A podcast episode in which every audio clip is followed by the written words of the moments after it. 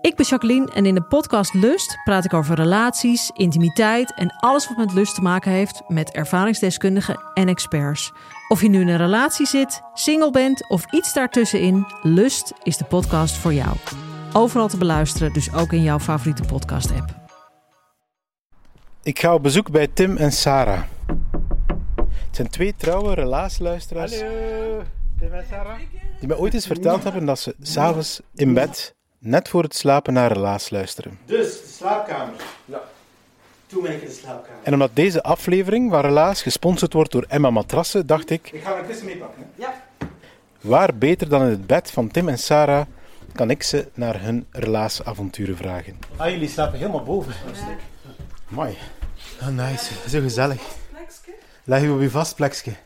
En ik ga er met tussen leggen. Ik, voilà, hier komt mijn hoofdkussen. Huh. En nu ga ik met ertussen. Wat ligt er hier, jong? Je hoort het mini-relaas van Tim na de aflevering van vandaag. Voilà. Dus, Ik ging tussen Tim en Sarah liggen en ik bracht mijn eigen hoofdkussen van Emma mee. Emma verkoopt matrassen, boksprings en hoofdkussens online via emma-matras.be. Goedgekeurd door testaankoop en product van het jaar. Als je iets koopt, krijg je 100 nachten proeftijd en kan je het gratis terugsturen als je niet tevreden zou zijn. En sowieso zijn er deze winter kortingen tot 55%, maar als je de promocode RELAAS05 ingeeft, dan krijg je er dankzij ons nog eens 5% korting bovenop. Relaas 05 is dat. Bestel nu op emma-matras.be. En dan nu naar de Relaas-aflevering van vandaag. dus hier luisteren jullie naar Relaas. Ja.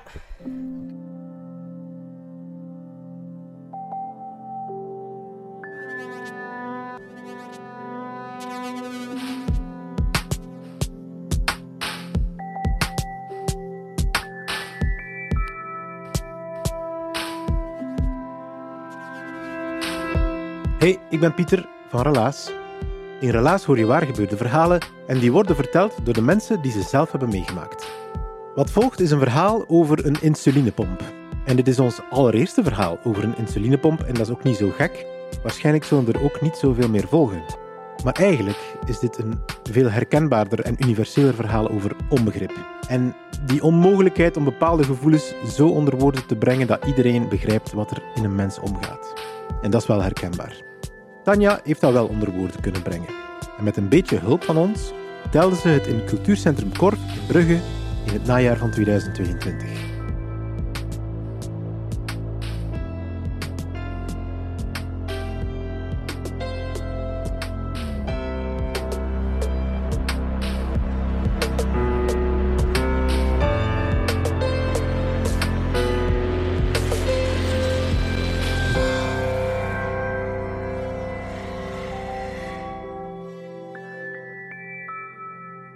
Ehm, ik heb iets met zomers.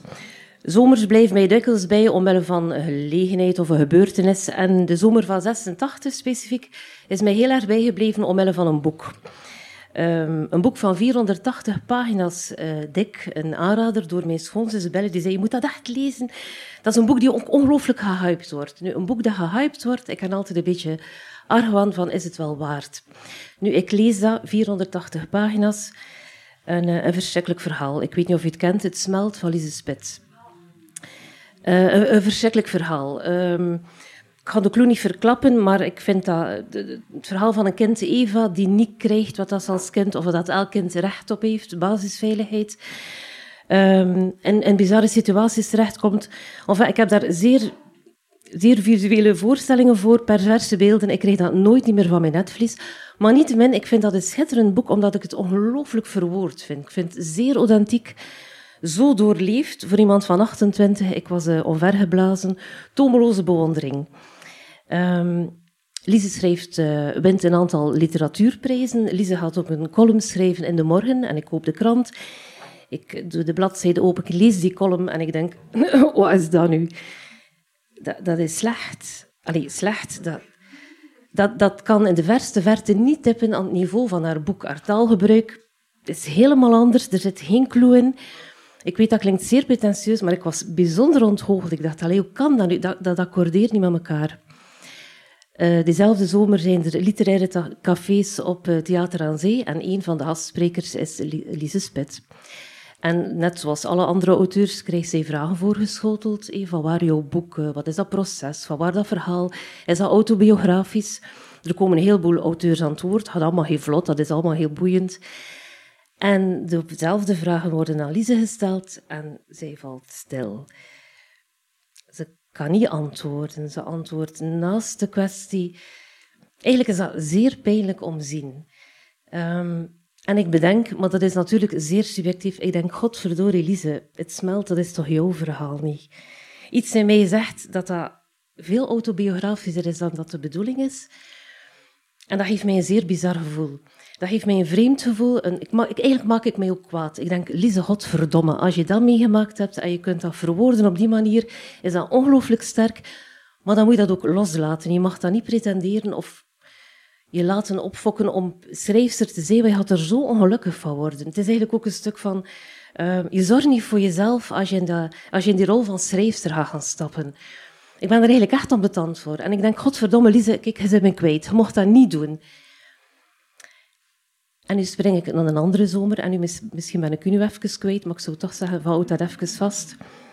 Ik spring naar de zomer van 96, even nee, denk ik, uh, 98. In de zomer van 98 ben ik zwanger. Een eerste kindje, heel gelukkig. Vier maanden nadien is er een echo en wat blijkt, het hartje klopt niet meer, dus ik raak dat kindje kwijt. Um, nu, u moet weten, ik ben diabetes, of ik heb diabetes, wat ze neem. Zwanger worden was al niet evident, zwanger blijven al helemaal niet. En de, toen, uh, de dokter toen, de endocrinologe, raad aan om, naar aanleiding van eventueel een volgende zwangerschap, om te veranderen van therapie. In de zin van niet meer de insuline spuiten, maar over te schakelen naar een insulinepomp. Nu, wat is een insulinepomp? Dat is ongeveer de grootte van een gsm. Dat is een beetje dikker, want moet daar een capsule met insuline in. Er hangt daar een infuus aan van ongeveer 60 uh, eh, centimeter en dat zit dan met de vleugelnaald in uw buik. Wat doet een pomp? Een pomp imiteert eigenlijk de pancreas, zoals u heeft, uh, en dat geeft insuline af als uw lijf dat nodig heeft. En als diabetes doe je een bloedprik. Het resultaat van de bloedprik zeg je aan de pomp en de pomp heeft op basis daarvan uh, uw insuline. Nu, ik had daar nog nooit van gehoord. Wat dat ook niet uitzonderlijk was, want dat was nog maar juist op de markt. En in West-Vlaanderen was ik blijkbaar de eerste insulinepomppatiënt. Um, en ik word zwanger, heel vlug, godzijdank. En ik heb een fantastisch team in het Sint-Lucas, excuseer, AZ Sint-Jan, die um, dag en nacht klaar staat, negen maanden aan een stuk, ongelooflijk toegewijd is. Maar ik heb me toch bijzonder eenzaam gevoeld. En waarom? Ik herinner mij zo goed um, een meeting in het ziekenhuis, een heel grote vergaderzaal. Aan de ene kant allemaal endocrinologen van over heel het land, want een insulinepomp, wow, dat was iets nieuws. En aan de andere kant allemaal mensen in maatpak, een afvaardiging van de medische firma. En ik zat daartussen in een negligéetje met een pinwaartje op slippertjes, met die pomp. En er wordt een promofilmpje getoond. En er verschijnen grote letters met bijpassende beelden, met de afbeelding van een pomp. Now I can dance. Now I can sleep. Now I can eat. Now I can love. En dan in koeien van letters de grote apotheose. Now I can live. En iedereen schiet recht, dan begint daar te applaudisseren.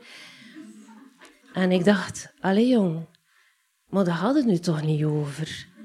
Nu ben je mij toch helemaal kwijt en ik ben jullie kwijt. Ik werd toch op dat moment ook in een psychiatrische context. Ik heb mij heel dikwijls afgevraagd nadien. Als wij iemand met een psychische kwetsbaarheid binnenlieten in een vergadering, het interdisciplinair overleg, en die mocht dan het advies van de dokter aanhoren, kon die alleen maar ja knikken. Hoe machteloos ben je dan? Ik heb mij op dat moment ook zeer machteloos gevoeld aan de andere kant van de tafel. Maar enfin, ik heb het lot gewonnen, want ik heb een zeer gezonde dochter op de, op de wereld gezet. Gezond in alle opzichten. Maar niettemin, ik vind dat ik een grote prijs betaald heb. De relatie met de papa kwam heel erg onder op de helling te staan. Um, mijn buik is een slagveld, sindsdien van onderhuidse knobbeltjes en littekens. En de weerstand van de, voor de pomp was zo groot dat ik er niet meer toe kwam om de eerste tien jaar aan een zwangerschap te denken. En ik, heb daar, ik vind dat jammer, want ik had eigenlijk een groot gezin. En op het moment dat het wel verteerd was, dan wou mijn leven niet meer mee. Nu, ik wil het nu niet zo zwaarmoedig maken. Het is ook niet allemaal kommer en kwel geweest. En ik wil u nog een anekdote vertellen. Um, op een bepaald moment had de bel. Uh, ik loop naar de voordeur, ik doe de deur open en ik kwam net onder de douche. Ik had heel vlug iets aangetrokken. En er staat een man voor de deur die de meteropnames uh, noteert van gas, elektriciteit en zo. Uh, dus ik sta voor de deur met die pomp een beetje in mijn linkerhand, van onder dat kleedje, een beetje piepend, wat ik had nog geen tijd had om dat aan te hangen. En uh, ik toon hem de weg naar de garage, naar de meterstanden. Die man ligt op de meterstanden en begint al die cijfers in te tikken, 712 has. Op dat moment piept mijn pomp en moet ik iets doen. Dus ik haal die pomp naar boven en ik begin ook te duwen. En ik zie die man zijdelings kijken en ik denk dat hij dacht van, die noteert mee. Dus die begint te, dit, te dicteren. Elektriek 712 has. En hij kijkt zijdelings en hij ziet dan toch dat infuus van onder mijn kleed komen. En die man wist niet meer wat gezegd. En ik eigenlijk, en ik eigenlijk ook niet. En dat was zeer awkward. En ik vraag me nog altijd af wat die man op de bureau gaat verteld hebben als hij terugkwam. En nu spring ik een laatste keer. Na de zomer twee, twee jaar geleden ongeveer. In volle corona. Drie maandelijks consult bij de endocrinoloog en ondertussen een andere dokter, is super lieve. Um, in volle coronatijd begint zij toch wel weer over een pomp. Gezien uw leeftijd, gezien eet men, uh, hormonale, zou je toch niet overwegen om toch terug over te schakelen naar een pomp. Maar het is een veel betere pomp. Het is veel geavanceerder. Het is een pomp die denkt, die anticipeert. Um, je moet ook niet meer bloed prikken, dat is met een sensor, dat communiceert met de pomp. Dat noemt de Smart Guard. Helemaal ingewikkelde constructies.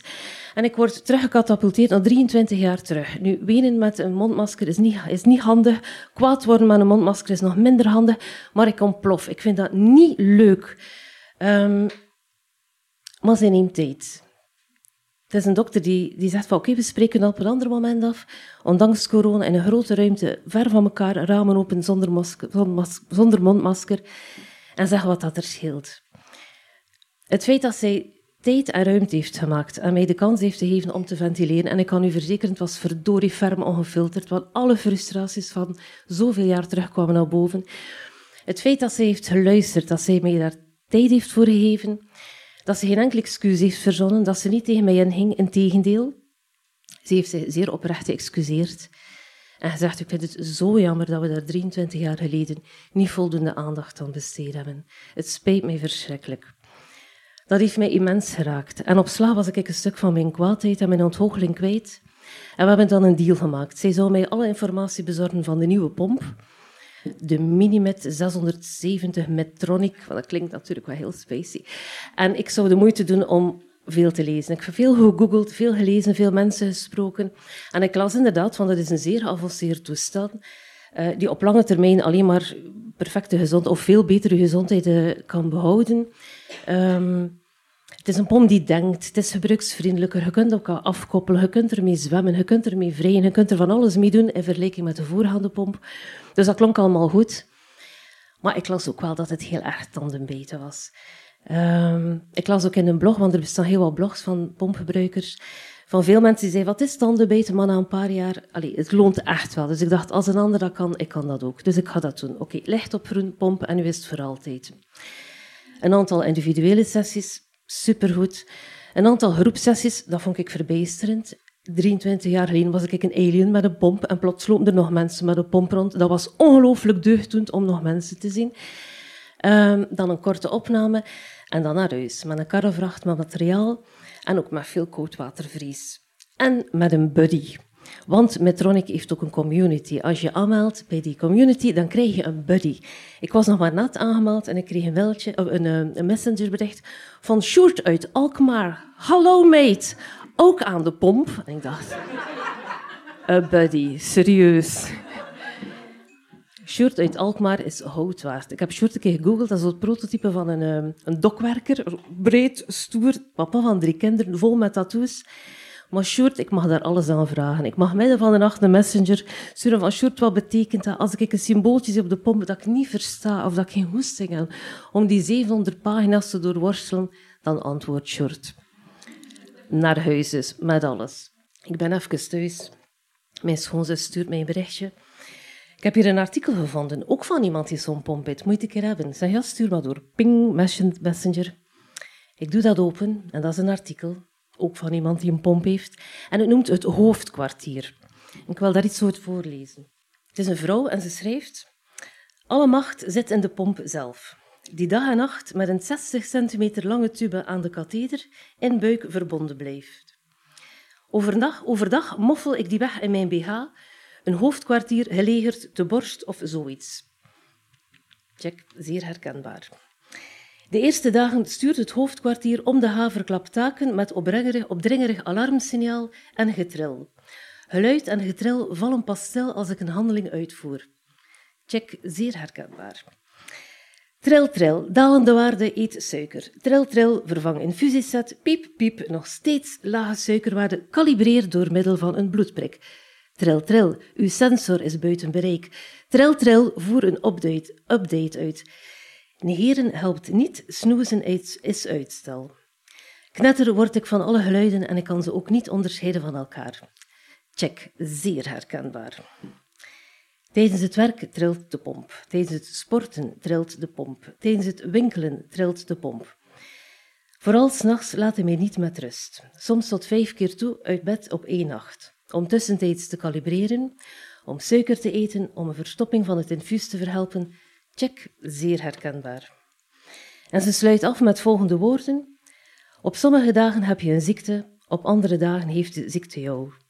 Ik slik, check, zeer herkenbaar. Amai, is dat goed geschreven? Oeh, dat is duidelijk van iemand die er verstand van heeft, die dat zelf heeft. Want ik kan dat aan iedereen vertellen, maar enkel iemand die ook een pomp heeft, verstaat wat ik bedoel. En ik ben vrij benieuwd, wie heeft er dat nu geschreven? Dus ik scroll naar beneden. Je raadt het nooit, hè. Lise Spit. Spit is diabetes en heeft ook een pomp. Dat raakt mij ongelooflijk. Het raakt mij omdat zij verwoordt wat ik niet kan verwoorden of waar ik de woorden niet voor heb en ik ben er zo immens dankbaar. Maar ik voel mij ook een beetje schuldig over wat ik 23 jaar geleden gedacht had over haar boek. Is dat nu autobiografisch of niet? Whatever, eigenlijk doet dat er niet toe.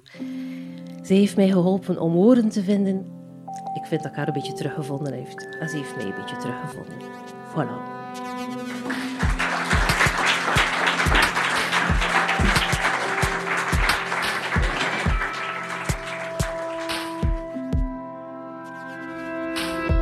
Dat was het relaas van Tanja. Ze heeft het verteld in het najaar van 2022 in Cultuurcentrum Korf in Brugge. Het is inderdaad niet altijd makkelijk om onder woorden te brengen wat er in jouzelf omgaat op een manier zo dat iedereen het begrijpt. Maar Tanja, ik vind dat je dat heel goed hebt gedaan. Over insulinepompen weet ik zelf heel weinig. Maar Lise Spit, inderdaad, de manier waarop jij het verwoordt, ik voel net hetzelfde. Ik ben blij dat jij dat zo treffend kan verwoorden. Toveren met woorden, dat doen wij bij Relaas. Met verhalen die recht in het hart in woorden overvloeien, tot ze bij ons op een podium belanden. Wij helpen jou daarbij, dus als je twijfelt en zegt, kan dat niet met zoveel mooie woorden? Toch wel, je kan het wel. Iedereen kan een verhaal vertellen, iedereen kan een relaas vertellen. Dat is onze overtuiging. Deel ons jouw idee voor een relaas en als we het goed vinden, als we zien dat er iets in zit, dan gaan we er samen met jou mee aan de slag. Al sinds 2015 krijg je van ons elke week een verhaal. En wij kunnen dat nog altijd gratis voor jou doen, maar we hebben daarvoor wel extra hulp nodig. En we krijgen die van onze vrienden van de show. Die geven 2 euro of meer per maand. En onze vrienden krijgen daarvoor in ruil extra verhalen, exclusieve verhalen op vriendvandeshow.be slash relaas. Als je ermee steunt, dan help je mee om deze podcast in leven te houden. En je doet dat samen met de afdeling cultuur van de stad Gent en die van de Vlaamse gemeenschap trouwens. En ook dankzij het niet aflatend enthousiasme van een hele groep relaasvrijwilligers. Dank jullie wel voor alle hulp en uh, jullie luisteraars, tot een volgend relaas.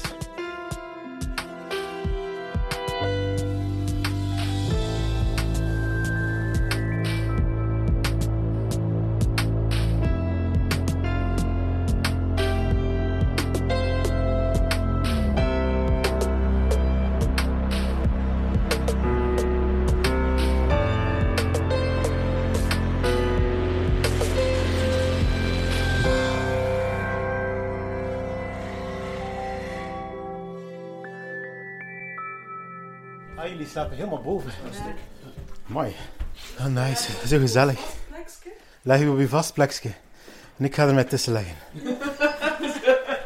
ik, voilà, hier komt mijn hoofdkussen. Ja. Go. Eh. Ja, En nu ga ik met ertussen. Wat ligt er hier, jong? ja dat, dat Tim die zei van zijn been. Dus hier luisteren jullie naar Relaas. Ja. En vertel me een keer wat hij in zijn werk gaat. Uh, misschien Eh, Sarah? Ja, allee, meestal ja, begin ik te luisteren en als Tim dan toekomt, luistert hij mee. Of tegenwoordig heb ik ook eh, oortjes, dus kan ik ook alleen luisteren. Oeh, en eh, dat is hier ergens op een box dat je dat afspeelt of zo. GSM. Op de gsm gewoon, hè. Ofwel gewoon op de gsm, ofwel op de oortjes. We hebben hier geen, eh, geen Sonos of zo. Oké, en dat gebeurt dan dat je midden in een verhaal eh, binnenkomt, Tim. Dat gebeurt, ja. En dan zeg ik, lig je weer met Pieter in bed? Eh heb je een idee ehm, van uw favoriete verhalen? Welke verhalen zijn er u zo bijgebleven?